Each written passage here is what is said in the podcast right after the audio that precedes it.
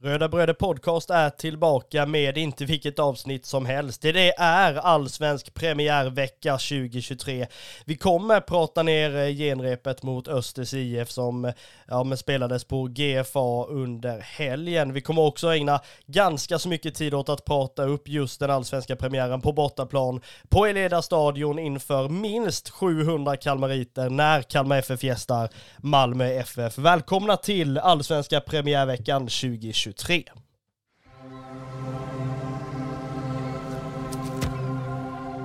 Vi säger väl som vi brukar då att vi hälsar dig som lyssnar välkomna till Röda Bröder Podcast.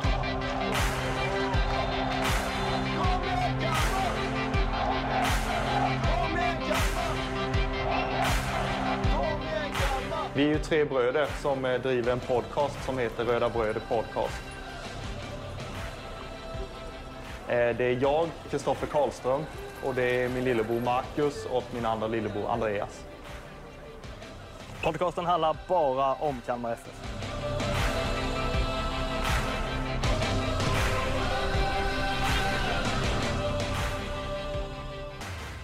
Lite så är det faktiskt. Avsnitt 124 utav Kalmar FF Supporterpodd rullar igång under premiärveckan. Vi har stått i, höll på att säga, snödriver och svurit oss hesa över att det har varit kallt, det har varit dåligt spel, det har varit jobbiga planer och så vidare. Nu är det, Kristoffer, premiärvecka. Ja, men det stämmer ju. Eh, och eh, det är ju lite komiskt att, alltså samma dag som vi skiftade till sommartid, eller vad jag ska säga, eh, så, så snöar det i, i Kalmar. Det är ju lite, det är lite komiskt, men eh, det är ju det man får, får leva med. Eh, samtidigt så, som du säger, så är det premiärvecka och det, man känner att pulsen ökar liksom successivt så här varje dag. Det är oerhört spännande känsla man, man får inom sig och det är, det är mycket rödvitt i de sociala medierna och, och man, ja, man laddar upp för, för den kommande säsongen och den eh, fina premiären borta mot eh, Malmö FF.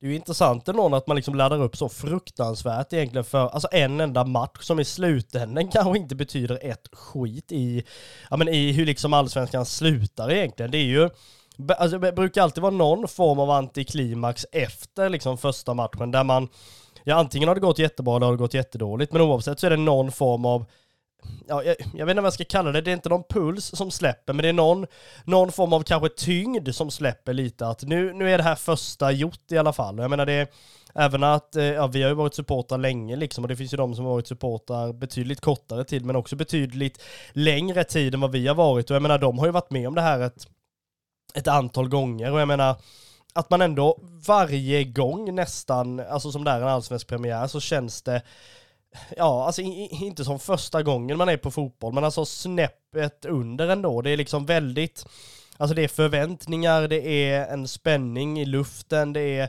spänning inom sig framför allt, liksom mot, ja men vad ska den här säsongen bjuda på? Fast i, ja precis som jag sa i slutändan så kanske det inte betyder någonting. Nej, men samtidigt så, så ja, det, det är klart att det, det kanske inte betyder någonting i i längden så, men samtidigt så, så vill man ju vinna varje match man, man ställer upp i, i allsvenskan. Varenda poäng kommer ju vara eh, jätteviktig i, i slutändan, men eh, ja, jag förstår lite hur du tänker. Samtidigt så, alltså de här, eh, vad ska jag säga, beteendena eller mönstren som man börjar liksom eh, gå igång på nu eh, när säsongen börjar dra igång, de, de känner man ju igen. Liksom. Det är ju nästan till varenda premiärvecka så, så börjar det så här på måndagen och sen på tisdagen så känner man nu är vi ett steg närmare onsdagen. Ja, då, då börjar det mullra igång lite, lite till. Man, man försöker att, att se till att ja, det mesta är, är färdigt. Det kanske det inte är ändå och sen så torsdagen eh, och fredagen liksom, då, då är det ju det är ju så nära man, man kan komma när man går hem från, från jobbet där fredag eftermiddag och, och vet att nu, nu stundar en allsvensk premiärhelg. Och, alltså, det är skönt att gå, och gå ifrån jobbet en, en fredag eftermiddag normalt sett, men inför en premiärvecka så är det ju, eller en premiärhelg ska jag säga, så är det ju extra, extra underbart och en extra känsla. Och jag tror att mina kollegor kommer att eh, se på mig och märka på mig att det, det börjar närma sig allsvensk premiär. Ja, men det, det är ju verkligen så. Man, man liksom, precis som du säger, det mullrar ju igång lite, även om man nu, alltså direkt när det började pratas bortaresa och allsvensk premiär och allting, då var det ju liksom beckmörkt fullständigt och det kändes som att det var år och dag tills det verkligen skulle smälla igång. Men det gör ju det nu under den här veckan och det är väl så man har gått och väntat rätt så länge på, på att någonting väl ska inträffa och vi kommer ju prata en del om den kommande premiären då som är, ja, man, det är ju ingen överdrift överhuvudtaget att säga att det är svårast tänkbara hinder som ska tas över direkt i, i inledningen. Men innan dess så ska vi väl få ner matchen mot eh, Öster som spelades i helgen. Men eh, Innan till och med det så tänker vi väl att vi eh, drar det lilla halvberömda nyhetssvepet.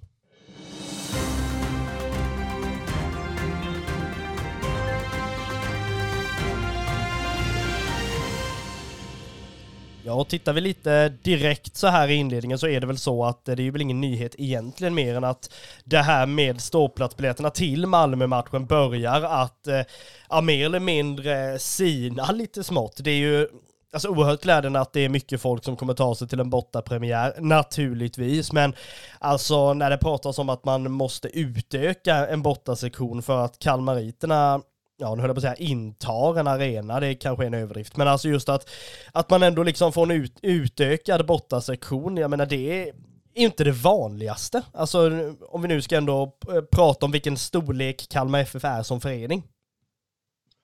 Nej, men det är väl ungefär lite sådär Mjällby borta feeling som, som infinner sig. att Alltså där nere var vi ju runt tusentalet rödvita och det känns ju som att det kommer vara ja, i stort sett samma antal nere i, i Malmö på, på den allsvenska premiären. Så att, ja, det men det är inte så ofta det händer. Det så är det ju. Men det finns fortfarande en, en kraft bland eh, Kalmar-supportrar som, som är eh, engagerade liksom och åker. Så att, nej, det, det, det är ju glädjande och det visar ju utåt sett också att eh, vi kan vi också. Men om jag, om jag ställer en sån här halvjournalistisk fråga nu då, bara för att liksom vara var lite så här halv så. Alltså om vi inte hade mött Malmö FF i premiären, om det inte hade varit Rydström Gate mellan Kalmar FF och Malmö, om det inte hade varit Alltså den uppståndelsen som det är just nu mellan de här två lagen. Alltså hade, hade man kunnat räkna med den här for, alltså formen av uppslutning då? Säg att vi hade mött Sirius borta, hade vi liksom haft samma hype då tror du?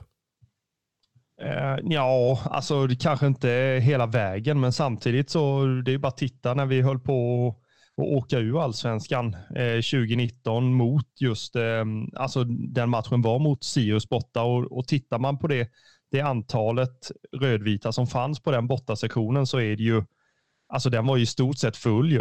Och, och det, det säger ju också en, en del.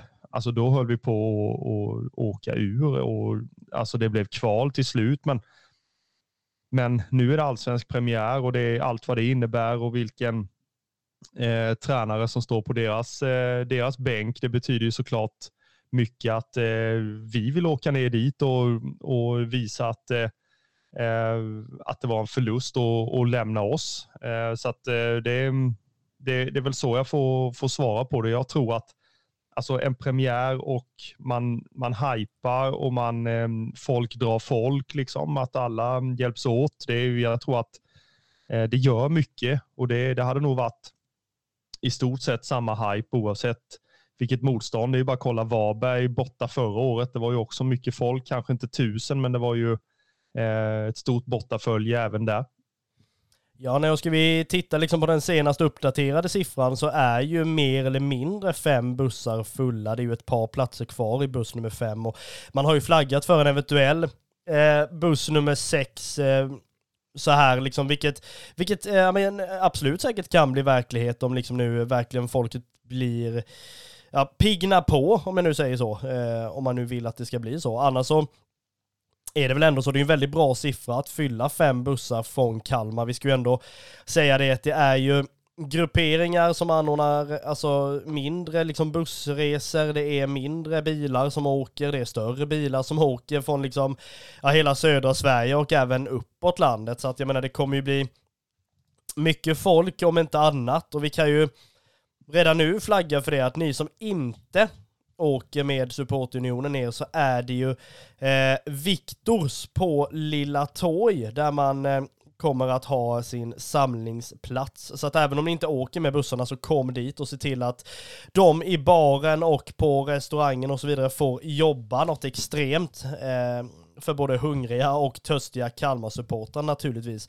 Um, Bland annat så är det väl det vi liksom kan nämna sådär. Det är ju extremt roligt med så här mycket supporter som ska åka ner och bara för att göra en jämförelse med eh, när vi hade nästan tusen supporter nere i Mjällby. Skillnaden mellan Mjällby och den här matchen mot Malmö är ju att i den här matchen kommer vi se eh, från bortasektionen. Eh, ni som har varit i Mjällby vet ju att det, man ser inte. Jag har stått på Gamla Ullevis eh, bortasektion där man liksom ser, jag höll på att säga ännu mindre. Så att jag menar, ni som går till Malmö, ni kommer faktiskt få se matchen på riktigt och det är ju väldigt, det är ju lite det man betalar för höll jag på att säga. Gör vi så att vi går vidare med nästa del så är det väl äh, en tråkig nyhet som eh, ja som faktiskt blev ganska överraskande och det är ju i matchen mot eh, Öster så eh, kliver ju Robert Gojani av. Man ser ju att det är någonting som smäller till i baksidan på spelaren under den första halvleken, vilket, vilket då gör att han förmodligen är borta. Eh, pratar om en mindre skada i baksida lår, men eh, liksom har ju en rehabiliteringsprocess. Eh, och jag menar, är det någonting som är alltså lagen om alltings jävlighet så är det väl ändå att man har värvat in en spelare i slutet av transferfönstret som mer eller mindre har visat en väldigt bra form hittills, men då ska det liksom vridas en baksida naturligtvis. Ja, alltså jag höll på att säga att eh, det är min eh, nya favoritspelare i, i Kalmar FF, Robert Gojani, med tanke på den kvaliteten han har visat. Eh, direkt när han kom hit så, så ser man att han är en duktig spelare. Jag tror jag har beskrivit han innan, att han är duktig passningsspelare både i det långa och korta spelet. Han är en bollvinnare också som, som har betytt mycket för, för laget och återerövrings, återerövringsspelet ska jag säga. Och, ehm, och Alltså, det, är, det är för tråkigt alltså att det ska hända och det är så typiskt eh, inför en, en premiär i ett genrep att man, alltså, det hade varit en sak om han hade blivit söndertacklad, men eh, det var ju inte alls fallet, utan det, det var ju liksom en boll, en bolltransport eh, framåt och då, ja, då hugger det till i baksidan och, och då vet man att ja, det var den matchen och sen eventuell premiär då också i fara. Så att, ehm, nej, mycket tråkigt. Ja, nej, men det är ju aldrig kul när, det är, när liksom, spelare blir skadade, liksom. det tycker man ju aldrig. Men det håller ju med dig om det du säger, att det är klart att hade man alltså åkt på en sån riktig sträckt vristglidtackling liksom i offensiv tredjedel, då hade man väl mer, ja det är en del av spelet liksom. Här är det ju bara en, alltså en rejält oflyt liksom som gör, gör den här, den här skadan liksom. Och det är ju inte, det är inte så att man tackar och tar emot överhuvudtaget. Nu är det inte så att vi inte har spelare att, att liksom tillgå. Vi hade ju naturligtvis en trupp och så innan Gojani kom in i den, men det är, det är ju klart att det är ett tapp, så, eh, så måste man väl ändå eh, påstå det. Sen är det ju också så att vi har ju ett par spelare som är alltså frånvarande. Det pratas ju om Johan Karlsson är ju liksom borta och så vidare. Så jag menar det är ju inte, det är ju inte nej, det är ju inte bra, så mycket kan man ju säga.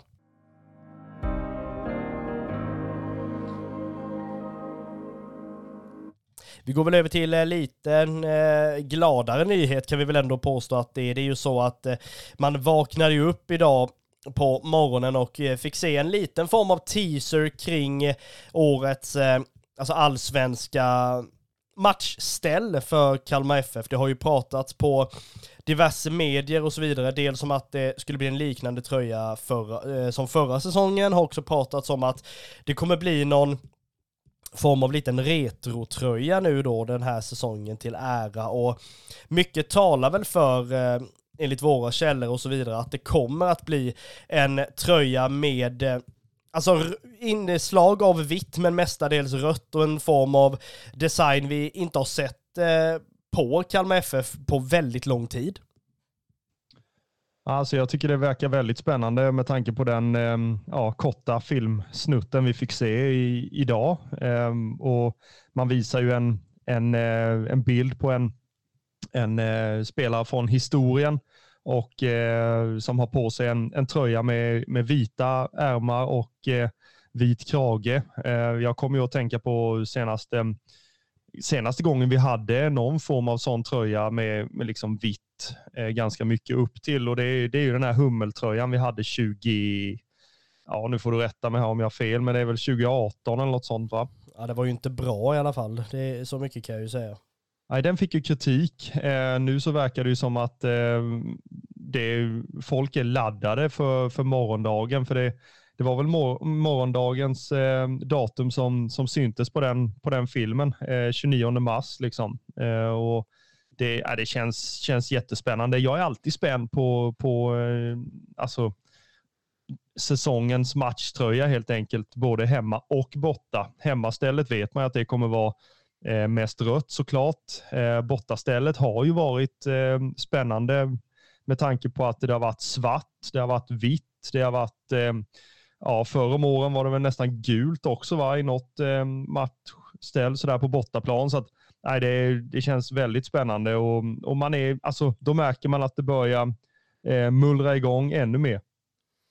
Ja, och alltså det, det som är intressant är ju att vissa tror ju att en matchtröja bara är ja, men en matchtröja helt enkelt. Jag menar, du har på dig den när du spelar och så vidare, men alltså det har blivit mer och mer en stil, eh, ja, eh, vad ska man säga, en, en, eh, en stilgrej på något sätt. Jag menar, supportrar kan liksom rosa och risa fullständigt beroende på hur en matchtröja ser ut. Jag menar, det, det är klart att vissa vill att det ska vara väldigt mycket reklam på, det ska liksom synas och vissa är väldigt noggranna med vad det är för reklam, vad har man för sponsorer, vart sätter man dem och att det liksom ska passa stilmässigt. Vissa vill absolut inte ha någon reklam utan har bara ja, men en sponsor mer eller mindre och det är klart att här är det ju väldigt olika och det kommer ju bli intressant om inte annat. Jag är väl väldigt så här för att Absolut, klart att man måste ha någon form av inkomstkälla på tröjorna. Nu ger de ju väldigt mycket pengar in, det ska man ju veta. Och, och sådär. Sen är det ju klart att man kan ju välja och vaka vart man vill ha vissa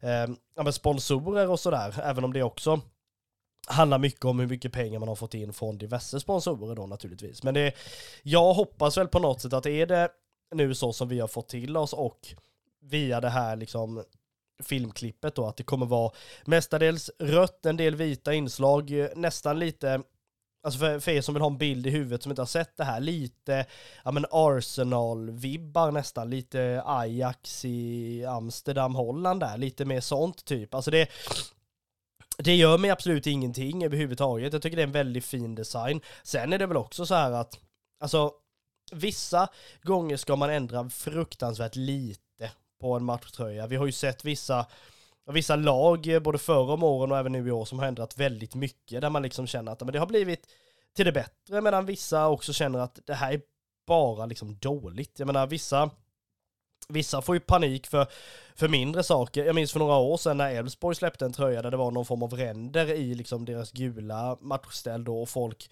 ja, fullständigt exploderade. Eller när Hammarby släppte någon form av jag, vet, jag kommer inte ihåg vilken färg de hade på den. Det var någon krage som var grön tror jag och de blev också rasande över det där. Och jag menar, vissa har jättestora krav och vissa bryr sig absolut inte överhuvudtaget. Och jag menar, jag tycker väl att en matchtröja är någonting som visst du har den på dig på, på matchdagar till exempel eller någonting. Fast vissa matchtröjor är ju så pass snygga så att du kan ju ha den i vardagen. Ja, men så är det ju verkligen. Eh, och en del eh, samlar på, på tröjor och, och sådär från olika eh, årgångar. Eh, jag räknar precis mina, för jag har de här jämt mig och, och jag har eh, 12 stycken. Min sambo kanske tycker det är ja, 11 för mycket möjligtvis. Men eh, ja, alltså jag har fastnat lite för det och, och, och vill ha lite, lite olika typer så här man kan se lite förändringar genom åren.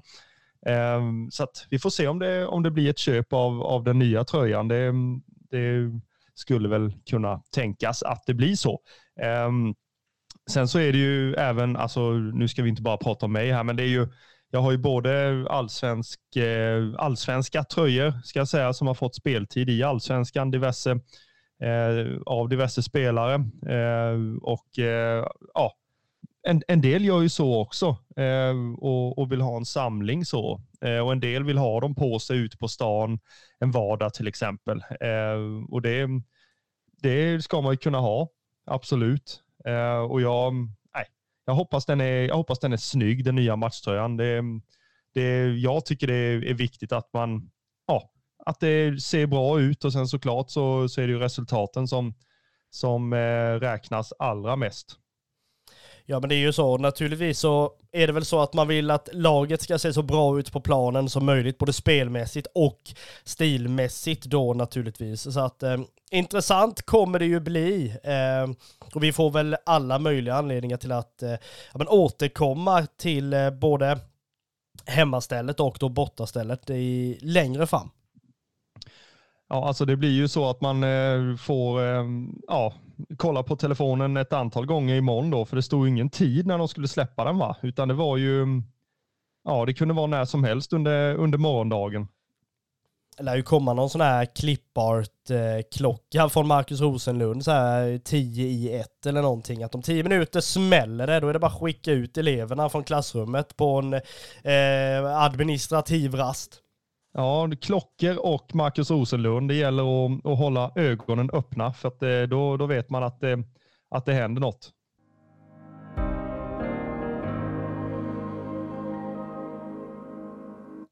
Vi gör väl som så att vi börjar att prata ner då genrepet som eh, eh gick av stapeln under helgen på Guldfågeln Arena när Kalmar FF mötte Östers IF då. Det Alltså man kan ju sammanfatta det med att det var ju slätstruket något så gud förbannat höll jag på att säga. Alltså det var, det var 0-0 i, i allt höll jag på att säga. Det var liksom 0-0 på tavlan efter matchen var slut. Det var liksom, det var inte mycket att hämta i den här matchen. Och jag satt och skrev och skrev och skrev, dels inför då det här avsnittet, sen också inför för lite framtida kröniker nu under den här säsongen då som jag gärna vill få ut och så vidare. Och då alltså jag började liksom tänka på att är det här liksom säsongens mest otacksamma match nästan? Att liksom möta något lag, alltså nu spelar det ingen roll att det är Öster i genrepet, men alltså ett genrep mot vilket lag som helst. Jag menar, ingen går ju på helfart. Det är ju liksom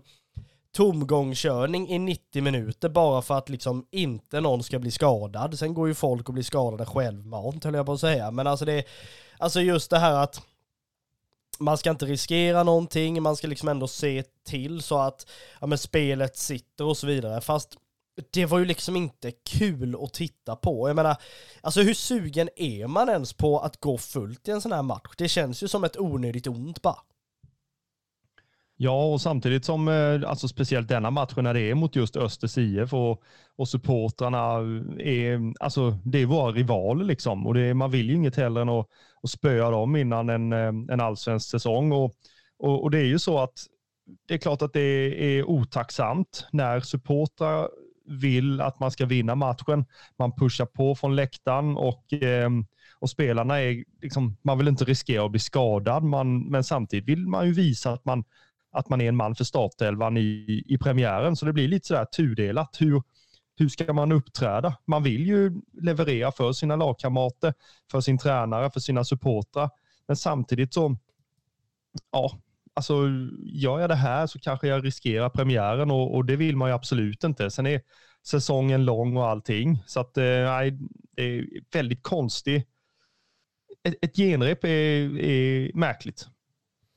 Ja, men eh, det är ju verkligen det. Jag menar, jag tycker ju inte det var alltså någonting som stack ut egentligen i, i den här matchen. Visst, man kan påstå liksom att, menar, att vissa spelare var osynliga, man kan prata om att Rajovic är rätt osynlig i den här matchen, men samtidigt får han ju inte alla dessa bollar att jobba med som han kanske bör ha heller. Och Alltså det, det, det, var väl mer, alltså kändes det som att nu är det ju inte en, det var ju som Henrik Jensen sa innan matchen, att det kommer ju vara förändringar till eh, den allsvenska startelvan naturligtvis. Liksom. Det är ju inte så att den startelvan man ställde på benen mot, eh, mot Öster är den som kommer stå mot Malmö, men det är ju samtidigt så, matchen skulle ju spelas och sådär, fast det var ju inte, tycker inte det var något av lagen egentligen som hade alltså något form av övertag egentligen. Öster är inte ofarliga liksom som lag, det är de absolut inte. Och om det sitter i det mentala att man just möter Kalmar FF för man vill trycka på extra mycket liksom av just rivalitetiska skäl eller vad man nu kan säga så är det väl mycket möjligt så. Men eh, alltså jag tycker inte de var ofarliga men å andra sidan så fanns det inte Alltså det fanns ju inte jättemycket att ta med sig från den här matchen mer än att ja, man håller nollan, uppenbarligen så håller man defensiven bra, men eh, uppenbarligen så Ja, alltså vad, ja, vad, ska man säga egentligen? Man går på halvfart, det är inte det är liksom inte så att man kör eh, full, fullt ös medvetslös i den här matchen. Nej, det är det ju inte. Eh, samtidigt så, så tror jag att man jobbar väldigt mycket under, alltså under denna vecka nu och eh, sett en startelva och, och prata igenom det, det sista och eh, de taktiska detaljerna och allting och inför premiären. Så att, nej, det, ja, samtidigt så tror jag spelarna bara väntat på, på allsvenskan, att den ska börja. Nu efter man ramlar ur, eller ramlar ur, men man åkte ur kuppen eh, så det är liksom inga tävlingsmatcher kvar innan allsvenskan börjar och då, då blir det väl en, en form av väntan eh, på det. Eh, för det är, alltså, det är ju lite skillnad att möta Öster inför 500 pass än vad det är att, att möta Malmö nere där inför 20 000. Eh, så att Eh, med allt vad det innebär i, i, eh, i press och, och i eh, förväntan och, och allt sånt. Så att ehm, nej, det, jag tror spelarna och vi supportrar bara väntar på, på Malmö borta. Ja, nej, men det kändes verkligen så. Och jag menar, det är väl där det ska hända, om inte annat. Jag menar, alltså ett genrep är ju väldigt obekvämt. Det är liksom, Alltså Öster då ska ju möta, vad är det, tre, eh, nej de möter Helsingborg borta först, sen har de ju Trelleborg hemma eller vad det nu är. Och jag menar, det är klart att de inte vill gå, alltså få någon manfall i, i den här matchen mot Kalmar heller liksom. Det, det, det vill de ju inte ge oss överhuvudtaget och sådär. Men det, man kan ju egentligen undra vad liksom visade den här matchen liksom för någonting, alltså om framtiden? Egentligen ingenting i mina ögon. Nej, inte speciellt mycket eh, kan jag säga heller. Eh, nu är vi väldigt överens här, det är inte så ofta, men, men ja, alltså jag vet inte egentligen mer vad, vad som finns att säga kring, kring matchen. Eh, det är klart att ja, man, man såg väl lite tendenser till vad vi kommer att få se för, för spel i, alltså i allsvenskan. Det är klart att eh, det är skillnad mot, mot förra året. Det är en del detaljer som har finslipats. Det är en del spelmässiga grejer som, som kommer att synas. Eh, skillnad i och eh, nej, det, det blir spännande bara. Alltså, den här matchen bara ja, lägger vi till handlingarna och sen så går vi på, går vi på den allsvenska premiären. Ja, det är väl inte mer än rätt att vi faktiskt gör det i eh, detta nu då.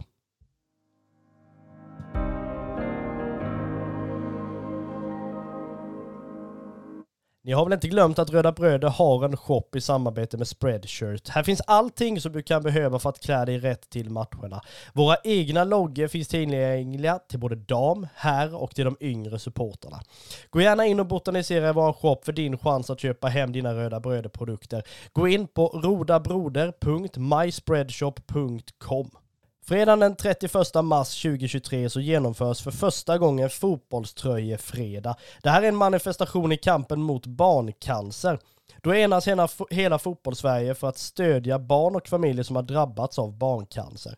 Ta på dig ditt favoritlags tröja på jobbet eller på skolan under fredagen den 31 mars. Ta en selfie och dela med dina vänner i sociala medier samt swisha en gåva för att stödja forskningen. Vi kommer naturligtvis göra detta, gör det du också.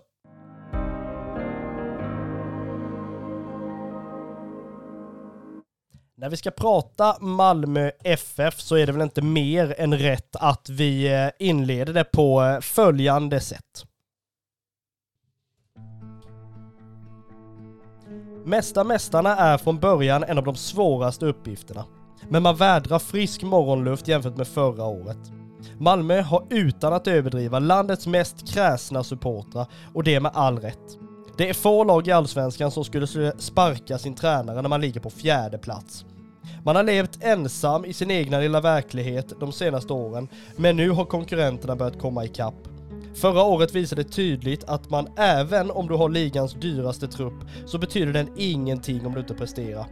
Malmö hamnade på den sämsta placeringen sedan 2015 och har rustat rejält inför denna säsongen. Man har en av ligans bästa mittfältare, en av de mest talangfulla spelarna, en av de mest hatade backarna och nu har man även en av ligans mest färgstarka ledare. Man ska dock komma ihåg att pressen i Malmö FF är något helt annat jämfört med den i Kalmar. Och underpresterar de himmelsblå i inledningen av denna säsong så kan Rydström mycket möjligt få fira midsommar på Arbetsförmedlingen. Spelare som Beimo, Berget, Rakip, Nalic och Toivonen har försvunnit och ersatts med, ja, vilka egentligen?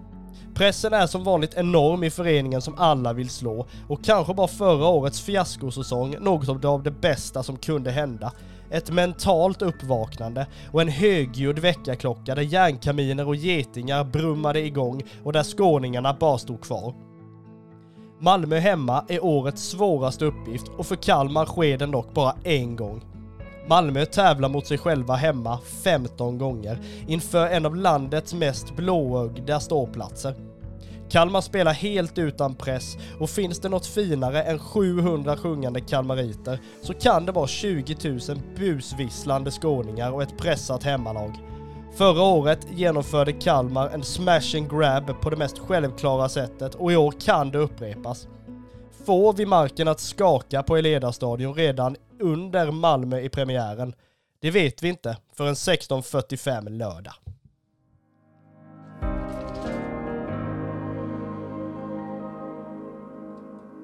Det är ändå mesta mästarna vi möter med 22 SM-guld och det senaste 2021. Alltså, man måste ändå prata om att plumpar i protokollen, det får man ha. Men alltså får man en plump i protokollet som Malmö-ledare eller som spelare i Malmö, alltså den pressen är något helt annat. Ja, alltså det är lite där kan jag väl hålla med dig, men samtidigt så, så tycker jag väl att det var väl Nanne Bergstrand tror jag som, som sa det att eh, här i, i Kalmar så alltså där kan du möta en FF-supporter på, på ICA, du kan möta en på pizzerian, du kan möta på, på stan, du kan möta på bensinmacken.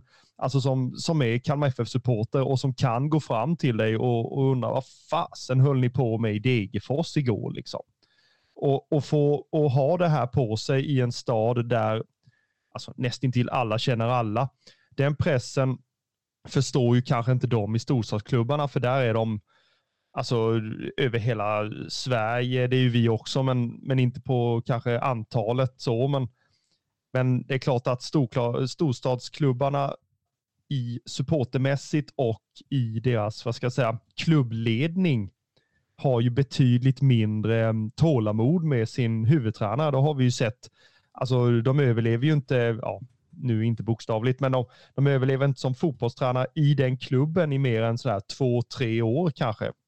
Som eh, i snitt, och det bevisar ju den, den eh, ja, pressen då som, som du beskriver i storstadsklubbarna. Så att, alltså det är klart att i din krönika där du skriver att eh, Rydström kan få mi, eh, fira midsommar på, på Arbetsförmedlingen, det är ju Eh, ja, alltså går det käpprätt åt, åt skogen eh, fram till midsommar så är det klart att Malmöledningen kommer att ja, skruva på sig en aning. Och eh, ja, det är, väl, det är väl så man kan sammanfatta det. Men de är ju vana nere i Malmö med det här med den här pressen och jag menar, alltså man har pratat om att Kalmar FF-publiken är ganska så bortskämd med bra prestationer och, och så vidare. Jag menar, det är klart att jag menar, är du topp tre under liksom nästan tio år i allsvenskan och sen får du plötsligt en sjunde plats kastad i ansiktet. Jag menar, det är klart att du reagerar då. Sen har ju vi varit med om både spelargångar och i annat på både Guldfågeln och på, på andra arenor när vi har mött Malmö liksom där ja, men ledning och fått poliseskott därifrån från liksom utgångar som man inte trodde fanns för liksom att supportrar vill konfrontera och det är klart att Kalmar supportarna kanske vill konfrontera ibland, det har man ju liksom sett, fast det finns ändå en form av, alltså en annan form av attityd. Jag menar det är klart att Kalmar-supportarna vill, vill liksom visa vad de står för och visa vad att det liksom, eh, kom inte till Kalmar och tro att du liksom inte ska kunna prestera och inte ha någon press på dig. Det, det är klart att det inte är så, men jag menar att, alltså det är klart att du, du liksom, jag, jag har väldigt svårt att tro att Kalmar skulle sparka sin tränare. Säg nu att vi skulle hamna ja men eh, sommaruppehållet här nu då eller någonting, alltså på plats eh, ja men 8-10. Jag tror liksom inte vi hade sparkat Jensen då. Men jag menar om, om nu Rydström ligger på åttonde plats nere där vid midsommar någonstans, det är klart att de kommer ju inte vilja ha kvar honom då. Jag menar, de är en så pass stor förening nu i Sverige med, med de ekonomiska musklerna och med den attityden som gör att, ja men om du inte gör jobbet, nej men då hittar vi någon annan som gör jobbet. Liksom det är ju den inställningen man har fått och jag menar, man är ett lag som är ute i Europa, har liksom gjort det bra. Det är ju där man liksom har mött de stora motgångarna egentligen. Och jag menar, till och med där är de ju liksom arga och irriterade. Jag menar, åker de ut med 5-0 så är ju de rasande. Även om det är ett lag som Ja, alltså de kanske på pappret inte ska slå överhuvudtaget liksom. Det är ju, det är ju en helt annan en helt annan attityd och det har man ju märkt. Jag menar, överhuvudtaget. Man har haft väldigt många tränare under väldigt få år. Ehm, man liksom, det har skakat under ledningen ett antal år samtidigt som, alltså de här supportarna dels nu ska jag inte säga att de är bortskämda, det säger jag absolut inte, men man har, man har liksom haft väldigt bra, man har haft framgångar, man har haft liksom Europaspel på rullande band. Det är klart att det gör ju någonting med en som supporter. Har du liksom en gång fått det till dig, då är det klart att du är inte nöjd med det du var kanske serverad för tio år sedan. Alltså sådär. Jag menar, har du en gång varit i, i Europa så det är det klart att du inte är nöjd med att du får en säsong utan Europa naturligtvis. Men samtidigt så tror jag det att den den liksom pressen som de sätter på dig i Malmö, den är väldigt, väldigt stor. Och jag menar, jag tror samtidigt att det är annorlunda att vara tränare i ett Stockholmslag. Du har ändå, ja nu har du fyra liksom klubbar där uppe, där liksom, alltså går du och handlar på ja, något ICA eller vad du nu går och handlar på. Jag menar risken att du möter, om du är Hammarby-tränare och du möter AIK-supportrar eller Djurgårdssupportrar, den kanske är ganska stor. Men jag menar, går du i Malmö och handlar, jag menar, och du, då är ju risken rätt liten att du träffar en supporter som inte håller på ditt lag. Så att jag menar, Sen vet jag inte alls hur supporterna är nere i Malmö på det sättet att om nu Rydström skulle gå där och de har förlorat med 3-0 så kommer de fram och skäller ut. Jag har ingen aning. Men jag menar, jag har väldigt svårt att tro att man ska kunna vara tränare i Malmö och spelare i Malmö utan att känna den pressen. Och jag tror bara, nu säger jag inte av någon erfarenhet, jag säger att jag tror att den pressen är helt annorlunda än den som finns i Kalmar. Sen har den pressen börjat alltså växa till, sig i Kalmar. Förut så, ja men som vi har pratat om innan under förra säsongen bland annat, förut var man ju nöjd om man åkte upp till AI, alltså Stockholm, AIK, mötte dem och fick stryk med 1-0 liksom. Nu kan man mer vara irriterad på det. Jag menar, vi var ju nästan alltså sura förra premiären när vi förlorade med 0-1 mot Malmö hemma på Guldfågeln för att vi spelade fruktansvärt bra liksom. Då, för några år sedan om man hade åkt ner till Malmö och alltså hållit nollan första halvtimmen så kände du att någonstans kan det här gå. Ja, men samtidigt så, så vill jag nog ställa en, en fråga som jag själv inte har, har svaret på. Men vad är det, alltså nu, nu, nu handlar ju den här podden om Kalmar FF, men alltså vad är det med storstadsklubbar och tålamod egentligen? Alltså man säger att man ska jobba långsiktigt, man eh, värvar spelare för långsiktigt, man har en tränare som man har liksom ambitioner att ha länge och alltså kunna sätta den mentaliteten, det spelsystemet eh, kunna få in unga spelare i det underifrån. Man ska jobba så hela föreningen. Alltså det är inte alla klubbar och föreningar som jobbar så, men, men vad är det med vad är det som händer med tålamodet i en storstadsklubb där man hamnar på alltså platserna fjärde till åttonde plats på kanske efter halva säsongen och skicka sin tränare och då liksom få börja om igen på något jädra vänster jag har liksom inte svaret på det. Man ska jobba långsiktigt, men samtidigt har du inget tålamod. Det är, det ja, för mig är det, är det konstigt, men jag har inte svaret själv hur man skulle alltså, göra istället. Nej, men jag tror det handlar mycket om det där, alltså vilken verklighet du lever i. Jag menar i, i Kalmar vet vi det att vi har liksom inte råd att sparka en tränare till höger och vänster. Malmö omsätter ja nu vet jag inte riktigt hur mycket det är, men det är ju extremt många gånger fler än vad liksom Kalmar FF gör och många andra lag också i allsvenskan. Jag menar, då har de de här musklerna, precis som jag sa det, att men de skiter lite i det, utan det är mer det här, men löser du inte detta, nej, men då har vi råd att lösa ut det och plocka in någon annan som vi tror mer på. Sen kan det ju vara, kan jag ju tycka att det handlar ju inte om ekonomin då överhuvudtaget, det handlar om fruktansvärt dålig scouting då. Om du nu liksom helt plötsligt, ja men efter halva säsongen kan sparka tränare till höger och vänster, det har inte att göra med att Alltså det spelar ingen roll hur mycket pengar du har, hur mycket lön han får. Jag menar, har du rekryterat fel, ja då har du ju uppenbarligen gjort det. Sen kan jag väl också tycka det att Oj, jag vet inte riktigt. Det kan väl vara det här, ja men precis som jag sa innan, det här med verkligheten du lever i. Jag menar, har du, har du mött Rangers och, ja nu bara namedroppar jag lag här, men har du liksom mött Rangers och du möter Napoli kanske och så möter du ja, Mönchengladbach säger vi att du möter. Och sen ska du hem och spela mot BP på Grimsta. Jag menar det är klart att att helt mentalt bara ladda om inför en sån match, det är klart att det är annorlunda. Eh, sen är det väl också det här att som supporter så förväntar du dig att spelarna ska göra sitt yttersta oavsett om det då är Napoli eller BP du möter liksom. Det ska, i huvudet på dig ska det inte vara någon skillnad, även om det naturligtvis är det. Men det, och det är väl så med Kalmar FF också. Jag menar, vi förväntar ju oss naturligtvis att möter man Malmö på bortaplan eller man möter liksom Halmstad på bortaplan så ska du liksom gå in med, med samma form av mentala inställning i att vi ska föra den här matchen, vi ska liksom ja, få dem att dansa efter hur vi spelar och sen så ska vi förhoppningsvis kunna gå härifrån med tre poäng. Det är väl liksom, det är ju så inställningen ska vara hela tiden, men jag vet inte, jag håller med dig om att det är väldigt konstigt här, man kan ju inte prata långsiktighet, okej, okay. var stannar långsiktigheten då? Alltså vissa lag har ju kanske en långsiktighetstänk på, ja, men på en säsong, medan vissa har långsiktighetstänk på, ja, kvartalet, inte vet jag. Men det, ja, det känns väldigt underligt, jag håller med dig om det. Det känns jättekonstigt. Sen vet jag inte om det är så. Det här får de i Radio 1910 och eh, Malmö-supportrar liksom eh, heads me up om, om jag säger så. Men alltså, känns det inte som att man är de här långsiktiga i Malmö, att man vill vara på det sättet. Man vill helst ha resultat nu och får man inte det, då ska man ändra det så att man får resultat nu. Jag vet inte. Jag tror inte man har det, det tålamodet som man kanske har lärt sig som Kalmar-supporter att man måste ha. För det har vi ju verkligen lärt oss att man måste ha.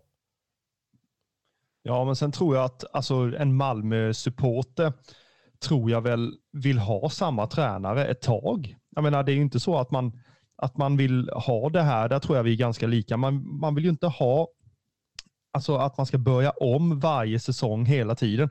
Så har ju vi fått ha det till exempel. Eh, sen har ju Nanne Bergstrand kommit in och, och räddat upp situationen ett antal gånger när vi ska börja om så här. Men det är ju, alltså jag tror inte man vill ha det så i längden att man har en tränare i två år och sen så ska man byta och sen kommer det in en annan mentalitet och sen så ska man ändra sin akademi utifrån det spelsättet och sen så sparkar man den killen och sen så kommer nästa in eh, som någon inte, interimtränare typ och sen så när han är borta så tar man in någon eh, meriterad och då så är det den bilden som ska in och då tar det ett halvår och då kanske man ligger ännu längre ner i tabellen än vad man gjorde ja, tidigare. Jag tror ni fattar vad jag menar, men det är ju det är oerhört, oerhört märkligt ur tålamod och eh, långsiktighetssynpunkt. Det var ett långt ord.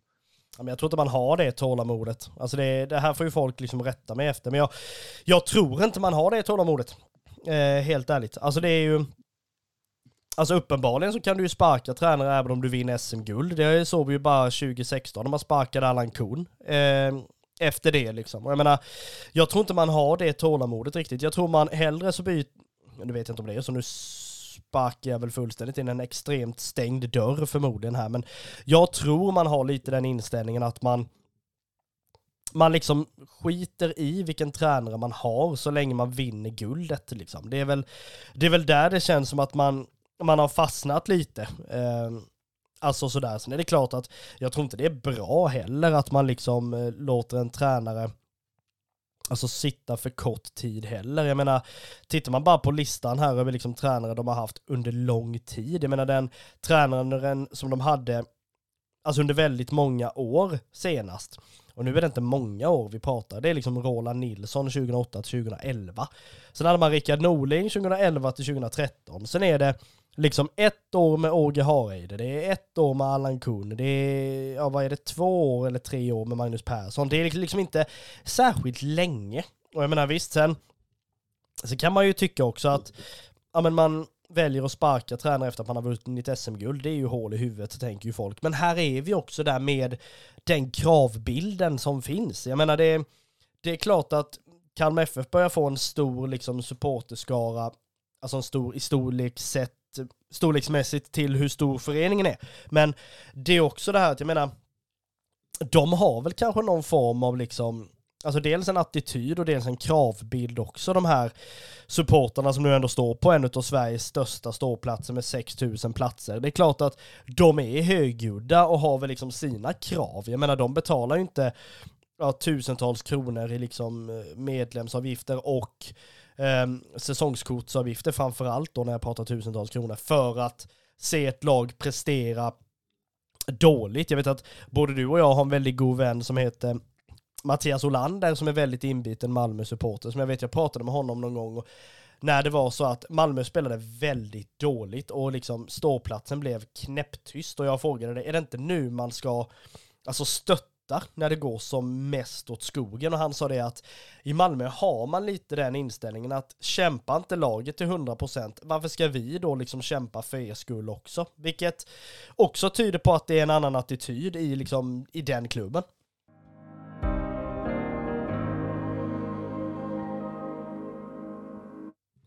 Ska vi prata lite mer fakta kring då motståndarna i Malmö FF? Det är ju ny tränare i Henrik Rydström, det är en riktningsförändring, det är ju ändå en, en tränare som ja, men vi har erfarenhet av är passionerad, det är en fotbollskunnig tränare naturligtvis, det är en spelare som, som vet vad det handlar om när det gäller att ha press, pressen i ryggen naturligtvis. Och det är ju en trupp som är extremt stark. Vi alltså, pratar ju stjärnor och spelare som alltså, hade gått in i mer eller mindre vilket allsvenskt lag som helst. Ja, så är det ju. Eh, man har ju Kiese man har Christiansen, man har Nanasi med flera och, och jag menar, ja, alltså de har ju två, tre, fyra alternativ på varje position i sin trupp i stort sett. Alltså de kan ju alltså någon kan bli skadad, men då är det någon annan som kommer in och, och gör det ungefär lika, lika bra, eller man förväntar sig att den spelaren gör det mm, lika bra som den som ja, spelade innan helt enkelt.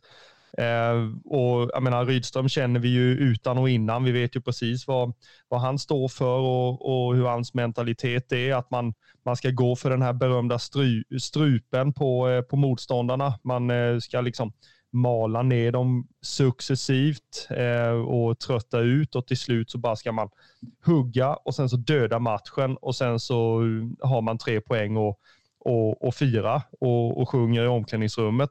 Och alltså, vi, vi känner ju Rydström liksom. Det är det jag vill komma till. Vi vet ju, vi vet ju precis och vi vet att han har innerst inne så, så har han ett, ett eh, rödvitt hjärta som, som slår, det vet vi. Eh, med tanke på alla år han, han har hos oss i, i sin spelarkarriär och med tröja upphängd och allt sådär. Och, och även de här två åren som, som huvudtränare där vi är extremt nöjda med det han, med det han gjorde för oss eh, fram till den dagen som han valde att, att lämna under sådana alltså, tråkiga, tråkiga former kan jag väl eh, alltså, tycka. Eh, jag blev ju ordentligt, eh, ja vad ska jag säga, alltså chockad och ja, ledsen helt enkelt. Eh, och det, det, alltså det visar ju hur mycket, hur mycket den mannen har, har betytt för vår förening och, och sådär. Nu är det klart att han, han står i, i ett annat lags tröja och eh, vi ska göra allt för att han inte ska vinna denna matchen. Det, det tror jag alla rödvita är, är relativt överens om eh, och att vi åker därifrån med, med tre poäng i bagaget. Ja, men man vill ju inget annat liksom. Det, var ju likadant som när, eh, när Nanne Bergstrand stod uppe på Tele2 så ville man ju inget annat än att liksom se till att han gick förlorande ur striden. Men alltså kollar man på deras trupp, det är precis som vi har sagt innan, vi har Alltså det är ju namnkunniga spelare på mer eller mindre varenda position. Sen vet jag inte om det är jag som kan för lite om eh, Malmö FF eller så, men man verkar ju liksom ha en, två, tre, fyra, fem, åtta, tolv, tretton mittfältare och en anfallare om man nu ska lita på deras deras hemsida, vilket borde vara liksom första källan i, i sådana här sammanhang. Men det är ju som du säger att man har liksom fruktansvärt mycket spelare. Liksom. Här kan man ju verkligen prata om en in, en ut. Jag menar om det är så att man, man verkligen behöver, man har ja, men, extrem erfarenhet av allsvenskan, man har i Sören Riks, man har Anders Christiansen, man har liksom ja, men spelare som Rydström ändå tycker mycket om i Sebastian Anasi, vi har Stefano Vecchia nu och jag menar det är ändå spelare som är extremt högt värderade med. Det är Sergio Peña och ja, vad de nu heter, allt och alla liksom. Det är ju, man har ju liksom väldigt många spelare utlånade med, vilket gör att man kan, höll på att säga, ge de andra svenska klubbarna med spelare också liksom, vilket man, ja men, gör. Jag menar det, det, får man väl ändå vara öppen med. Jag menar Kalmar fick jättemycket ut av Sebastian Anasi förra året och det är klart att man tackar ju och tar emot naturligtvis, även om till slut så försvinner de ju. Ehm, och det är klart att de har en revanschsäsong som väntar, liksom fjolåret var inte bra. Alltså, dels de liksom Nej, det blev ju inte bra. Alltså det, det är ju bara så. Jag menar man, man vinner kuppen men man väljer ändå att sparka vad han nu hette, Milojevic, eller vad han hette, och allt det här liksom. Det, det är klart att hela säsongen blev ju ett bottennapp och det är klart att man som Malmö-supporter och som ledning i Malmö absolut inte accepterar en sån plumpsäsong igen. Nej, och alltså fjolåret var ju inte bra för, för deras självbild kan man ju säga. Alltså de har ju inte varit i, i den situationen på, ja det är ju många år liksom, eh, utan man har ju varit där uppe i, i toppen. Man har varit bortskämda med Europaspel och man har mött eh, Chelsea, Juventus och alla de här lagen utifrån och, och, eh, och på den, ja, så. Och jag menar, det, den självbilden att alltså komma på ja, nästan undre halvan liksom, i allsvenskan, det, det, är inte, det är inte bra för Malmös självbild och, och status i, i svensk fotboll. Och det är klart att man är grymt revanschsugna nu då till detta året och, och man har fått in en, en tränare som, som vill spela fotboll. Man vill liksom inte um, köra långbollar och, och kötta. Sen kanske kötta finns kvar, men det finns ändå ett sånt här ja, finlir och eh, tiki-taka och det ska se, alltså, ja, det är ju en rolig fotboll Rydström spelar. Det är ju det vi, vi har sett och det är det jag vill komma fram till. Så att, alltså, mm, ja, det är, de hoppas ju att eh, den här säsongen kommer bli grymt mycket bättre och att man är, är med i den absoluta toppen. För det, det ska ju Malmö vara varje år med tanke på deras ja, ekonomi, storlek på trupp eh, och de spelarna man har i den. Så att eh, ja, allting annat än eh, SM-guld får ju ses som eh, fiasko varje år för Malmö. Ja, alltså man, eh, man vet ju det att eh, när vi väl är på plats i Malmö, vilket vi är på, på lördag, så kommer det ju vara så att märker man man kommer märka det skulle jag säga efter liksom så 20 minuter om liksom de då 20 000 malmöiterna inte är tillfreds. Ehm, man vill liksom att laget ska komma ut liksom väldigt energifyllt. Man vill också se vad man kan göra nu med den här, alltså lite nyare truppen också med den nya tränaren. Vad är det man ska få se? Och då förväntar man sig naturligtvis att det blir åka av liksom. Kalmar ska få åka i den här matchen. Det är ju liksom så man verkligen kommer att lägga upp det tror jag. Ehm, och jag liksom tror väl också det att, jag menar de är ju ett lag som verkligen kämpar för sin, sitt föreningsmärke och kommer ju absolut inte vika en enda tum i någon situation liksom. De är har ju erfarenhet av spel i Europa med liksom det här lite mer fysiska spelet och på gränsen till alltså halvfult spel kan ju vi i Sverige tycka, men där det liksom är vardagsmat ute i den europeiska fotbollen. Så det är klart att det kommer att bli en match, ja förhoppningsvis att minnas naturligtvis. Men som sagt, vi pratar vidare kring den här matchen, men då ur rödvit synvinkel.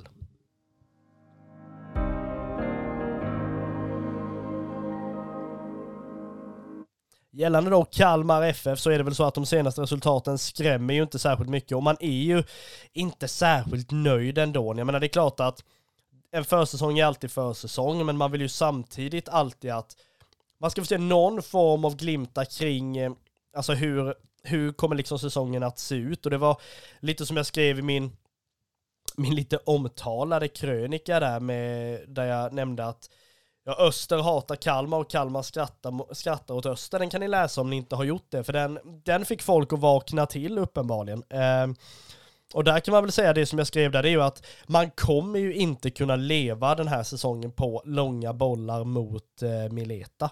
Bara. Även om vi nu har sett att Mileta är en sån spelare som kan spela djupled, kan skjuta utifrån, kan nicka in bollarna. Så att jag menar, det är klart att han har många strängar på lyran, men det är ju inte så att Alltså spelar man på det sättet och bara tror att man ska kunna slå bollar från Lindahl in på Kalle Gustafsson, vägga ut den till Lindahl som ska skicka in den på Mileta som sen ska nicka in den bara, då kommer inte det att hålla liksom. Man är så sönderlästa efter en stund då och det är väl här man hoppas på något sätt att Jensen också har många strängar på sin lyra och naturligtvis kan ingjuta lite lugn och lite tålamodskänsla hos liksom supportarna. Alltså jag har inte den bilden att eh, det är bara det mönstret vi har sett i de här matcherna, eh, utan jag tycker vi har varit väldigt varierande i anfallsspelet eh, med dels blandat med långa bollar, svepande som är alltså djupledsbollar helt enkelt på Mileta, på någon av tiorna såklart. vi har Axel Lindahl, Olafsson på, på varsin kant som som matar på, matar på längs, längs eh, sidlinjen och, och, är duktiga på, på inläggsspelet och även kan kombinera sig fram, precis som du säger. Men samtidigt så, så har vi ett mer varierat anfallsspel idag än vad vi kanske hade förra året. Det kändes ibland som att ja, men vi, vi spelar över bollen och sen så är vi där borta och sen så ser vi till så att alla deras spelare är där. Sen så flyttar vi över bollen. Sen så ska vi hitta en lucka som är alltså i deras försvarsspel helt enkelt. Nu känns det som att ja, men det är vi som ska styra lite mer hur, hur, eh, hur motståndarna ska försvara sig. Helt enkelt. Vi kan eh, göra så att Rajovic kommer ner och möter bollen, drar med sig folk. Vi fördelar ut på kanterna. Vi har ett anfallsspel längs kanterna med inläggsspel, kombinationsspel, snett inåt bakåt. Alltså, jag tycker det finns tendenser till att alltså, jag tror inte vi blir sönderlästa denna säsongen. Det är möjligtvis om, de, om vi bara kör med tre varianter, men jag tror att vi, vi har några fler i, i, eh, i rockärmen helt enkelt. Så äh, jag tror att vi kommer göra fler mål denna säsongen, äh, men då kanske det ja, vi kanske släpper in något eller några extra mål bakåt, men det, så länge vi vinner matcherna så, så ser jag väl inget, inget problem i det. Jag tycker väl att vi, ibland har saknat skott utifrån till exempel. Det har vi sett nu under försäsongen från både Rajovic men även Johan Karlsson till exempel. Så att, jag tycker vi, vi känns varierande, så jag delar väl inte helt den bilden att vi kommer bli sönderlästa. Nej, men om vi säger så här då att vi, som du säger, att vi kommer liksom göra mer mål framåt. Ja, men eh, då kommer ju alla experter nu titta på oss och känna, okej, okay, men vem är det som då ska göra målen framåt? Är det Mileta som är liksom räddande ängel med 16 bollar liksom i, i under säsongen eller ska det liksom vara Alltså blandat med spelare. Visst, nu har vi sett under försäsongen att det finns fler spelare än Mileta som kan göra mål, det är ju inte det. Men liksom, vem är det vi ska sätta den här pressen på? Eller är det för hela, eller är det alla spelare som ska ha pressen? Alltså det är klart att alla spelare är benägna och, och kapabla till att skjuta. Det är ju, det är ju, den saken är ju klar. Samtidigt så tycker jag att vi, vi, ehm, alltså hela laget är ju ansvariga när vi gör mål och när vi släpper in mål. Det finns ju aldrig bara en spelare man kan, man kan hänga liksom i något av de fallen. Samtidigt så är det ju Mileta Rajovic som är tilltänkt till att göra de här målen. Han är värvad hit för att han har de egenskaperna som, som vi kanske har saknat förra året och för förra året med en, en tydlig nia som är stor, stark, snabb, bra avslutsfot kan även kombinera sig, komma ner och hämta boll. Så att alltså Mileta tycker jag har alla de egenskaperna som, som vi behöver. Samtidigt så kan du inte lägga all den pressen på honom att han ska smälla in 16 mål och sen de andra står på två var kanske så här. Det är inte det som, som är meningen. Samtidigt så om du letar efter någon jag skulle vilja som, som tar det här extra klivet och extra ansvaret så skulle jag vilja lägga det på till exempel Simon Skrabb som hade förra året som en sån här uppstartssäsong eh, efter en lång skadefrånvaro. Eh, nu på den tidiga försäsongen så har det väl synts att han alltså börjar varva igång och börjar närma sig en, en eh, ja, bästa form eller vad man ska säga. Samtidigt så tycker jag att alltså han kanske har varit lite ojämn i, i matcherna eh, och kanske inte har tagit det här sista steget. Men det är klart att säsongen är lång så att andra delen av säsongen så då skulle jag vilja se en, en Simon Skrabb som har levererat i poäng, mål och assist och, och stå för ett, alltså och är en ledande spelare i, i laget och i det offensiva spelet. Så, så om det är någon jag ska peka ut så är det så är det Simon Skrabb. Samtidigt så finns det en del spännande spelare som Netabay nu när han får flytta upp lite i planen. Kevin Jensen som inhoppare till att börja med i alla fall, som kanske inte har det här avslutsmässiga än, men han kommer till situationerna. Noah Chamoun får vi absolut inte glömma. Han hoppas jag väldigt mycket på denna säsongen. Ja, det är det ju ingen annan som gör uppenbarligen. Har ni köpt liksom den allsvenska bilagan hittills på någon av kvällstidningarna så är det ju liksom två stjärnor slash getingar slash plus eller vad man nu delar ut på Noah Chamoun. Så att jag menar, någon som ska slå i underläge så är det ju han och han har ju visat under förra året fick han ju ett, alltså ett uppsving hyfsat ändå kan jag tycka. Sen är det ju klart att alltså alla spelare vill ju bli bättre hela tiden och det är klart att Alltså en spelare som Mileta Rajovic när han kommer med den attityden han gör att eh, jag ska satsa på att vinna allsvenska skytteligan. men det är klart att det blir lite upp till bevis då. Det är klart att det hade varit alltså en fiaskosäsong för honom om han hade landat på tre mål då. Eh, lite sådär, men det är klart att det liksom är ju, är det, no, alltså det är ju en spännande säsong eh, utöver det vanliga. Man brukar ju alltid säga att, att liksom allsvenska, ja, årets allsvenska är liksom tuffare och starkare än någonsin och det säger man ju varje år. Men jag menar, i år så känner jag ändå att vi har ett lag som jag känner inte Alltså det är ingen panik över det här laget. Det kän, alltså jag, jag känner mig ganska tillfreds ändå. Om vi sitter här under liksom deadline day, det är liksom ett par timmar kvar tills ja men fönstret in stänger, då kan man ju fortfarande förlora spelare ut då, gud förbjude. Men det är ändå så här, spelare kan liksom komma in, man kan märka av att det kommer in ytterligare någon spelare liksom så här under dagarna då ändå. Det ska ju vara färdigt under kvällen, men det behöver inte presenteras under kvällen. Men jag känner mig alltså generellt ganska tillfreds eh, med liksom den här truppen. Känner du att det saknas något?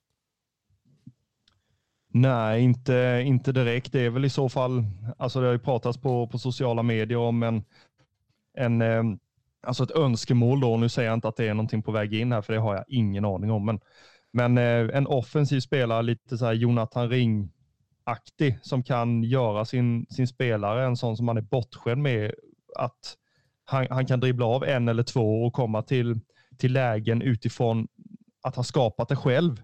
Det är, man är inte så beroende av, av alla andra spelare att det ska vara ja, så. Jag tror ni fattar. Men, och det var ju lite det som många hade förväntningarna på Skrabb till exempel när han kom och att det var en ersättare till Jonathan Ring till exempel. Eh, nu är ju de alltså ganska olika i sina spel, spelstilar eh, och är det, är det någon jag önskar så, så hade det varit en, en sån typ som kan, ja, som kan göra sin gubbe. Eh, lite Taha Ali i, eh, i Malmö FF till exempel. En sån spelare. Eh, det kanske hade, hade pignat upp lite. Samtidigt så ser man ju de här, eh, nu är jag lite jobbig, samtidigt som man ser de här tendenserna i Noah Chamoun till exempel. Han utmanar, han kan göra sin gubbe. Eh, så att vi har det kanske i truppen, men det gäller ju att man, att man får den rollen också som, som den typen av spelare.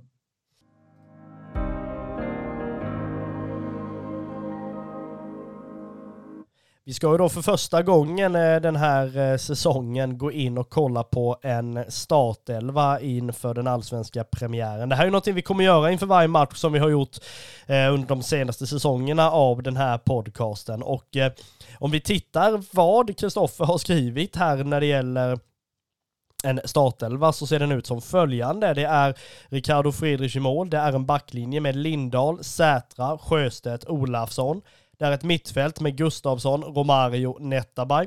Offensivt mittfält med Skrabb, Chamon och högst upp Rajovic. Kommentar på det? Ja, jag tycker det, det, det ser bra ut. Eh, samtidigt så, så är det klart att man saknar Johan Karlsson, man saknar Gojani eh, som, som alla dagar i veckan hade gått in i, i, i startelvan. Eh, hittills så, så har ju Chamon till exempel varit en inhoppare. Han har inte varit någon alltså, självklar startspelare på det viset. Där har ju Netabay spelat. Nu blir det ju så att Johan Karlsson eh, med all säkerhet eh, missar matchen. Gojani också, vilket gör att Netabay får, får ta steget ner på det centrala mittfältet och, och då måste man ha någon som finns vid sidan av Skrabb och då, då tycker jag att Noah Chamoun känns eh, närmast till hands när det kommer till det och hans egenskaper. Jag tror att det kan, kan eh, störa Malmö FF. Ja, jag tycker inte alls att den låter fel den här startelvan. Det är väl en ganska väntad elva samtidigt. Eh, naturligtvis är det ju så att man har ju märkt nu att man har det här lilla vad ska jag säga, lyxproblemet nästan med att, men nu, vad ska Johan Karlsson in i detta? Nej men då sätter man in honom istället för Netabay. Ja men vad ska Netabay in då istället? Jag menar det är klart att nu har man lite den här eh, ja men eh, lyxproblemet om vi pratar med eh, ja, nyförvärvet Arash då likadant. Vad ska han in i så fall? Så att det är skönt att man på något sätt ändå har den här bredden. Nu har vi ju inte, alltså det är inte en superbred trupp på det sättet, men det är klart att man ändå är tillfreds med den här eh, med den här truppen hittills i alla fall. Sen får vi ju se hur det liksom artar sig under säsongen naturligtvis. Men den här matchen om vi pratar just matchbildmässigt här mot Malmö FF på bortaplan. Det är väl ingen jätteosanning om vi skulle prata om att Malmö FF vill vara ett lag som vill föra den här matchen. Även om Kalmar FF nu vill det så är det Malmö FF vill naturligtvis föra den eh, på sin hemmaplan. Eh, Rydström vill föra fotbollsmatcherna, det har man ju sett när han var i Kalmar. Så att det skulle inte förvåna mig om nu Malmö blir de som kommer ha ett fruktansvärt tryck under första under första halvtimmen i alla fall innan matchen har satt sig. Eh, förmodligen så lär man ju ha sina supportrar i ryggen och förhoppningen är väl att Kalmar kommer känna att man har sina supportrar i ryggen i den här anstormningen då som kommer från de himmelsblå. Samtidigt så är det väl klart så att om nu Kalmar skulle sätta ett mål i första halvlek så kommer det ju kunna stanna av lite. Då blir det lite mer desperation i, i Malmölaget och vilket jag tror liksom Kalmar kan, ja men på något sätt, alltså tjäna lite på. Man kommer ju dit och spelar helt utan press egentligen. Man behöver inte känna att man är förstå mig rätt nu, tvungna att vinna. Man behöver inte känna att åker man därifrån med liksom Ja, alltså en förlust, eh, alltså uddamålsförlust, det är ju ingen katastrof i sig liksom. Så att jag menar, jag tror att Malmö kommer vara de som kör fullt ös under, under första halvlek i alla fall. Och får man då en liten plump bakåt, säg att Kalmar sätter 1-0 i minut 13 eller någonting, ja men då kommer det bli jobbigt och då har vi pratat anstormning innan dess så lär ju den inte bli mindre. Ja, alltså det, jag tror att det kommer bli ett, eh, ett ställningskrig i, i kampen om bollinnehavet. Båda lagen vill ju, vill ju föra matchen. Eh, sen är det ju så att alltså i vårat spel så känns det som att det, det finns en liten mer benägenhet att gå i djupled än vad kanske eh, Rydströms Malmö FF kommer att, kommer att ha. Jag tror att man vill, alltså precis som, han, som han ledde Kalmar FF innan med ett, ett stort kontrollbollinnehav som gör att motståndarna måste flytta på sig. Um, och bli, alltså syftet är att man ska trötta ut motståndarna och sen ska de vara så slut så att man inte hänger med i svängarna och kunna göra mål. Men vi har ju ett, alltså ett syfte med ett djupledsspel också, alltså mycket mer än vad, än vad Malmö FF har. Och, eh, och där tror jag att alltså Rydström vill ju försvara oerhört högt och, och jag tror inte Malmö FFs mittbackar är de snabbaste i, i allsvenskan, vilket kommer att öppna upp för våra kanter. Det kommer öppna upp för Rajovic och ta de här löpningarna. Eh, alltså bakom eh, Malmös backlinje och jag tror att det kommer vi att tjäna på att vi har ett, ett djupledsspel som, som fungerar och ett kontringsspel också som, som är farligt. Ja, nej men det, det kommer ju bli oavsett liksom hur matchen artar sig så lär det ju bli spännande. Premiären är ju liksom nära till hands nu när vi ja, men börjar närma oss 700 eh, sålda bortaplåtar till eh, då bortasektionen på Eleda stadion. Eh, vi kan väl sammanfatta det lite kring att eh, puben som alla rödvita samlas på är Viktors på Lilla Torg 1. Det är ungefär tre kilometer eh, gångväg sen till Eleda stadion. Där man naturligtvis hoppas att alla rödvita, inte bara de som åker buss då, utan även de som tar sig dit för egen maskin naturligtvis vill vara med och samla upp och ladda upp naturligtvis inför den allsvenska premiären.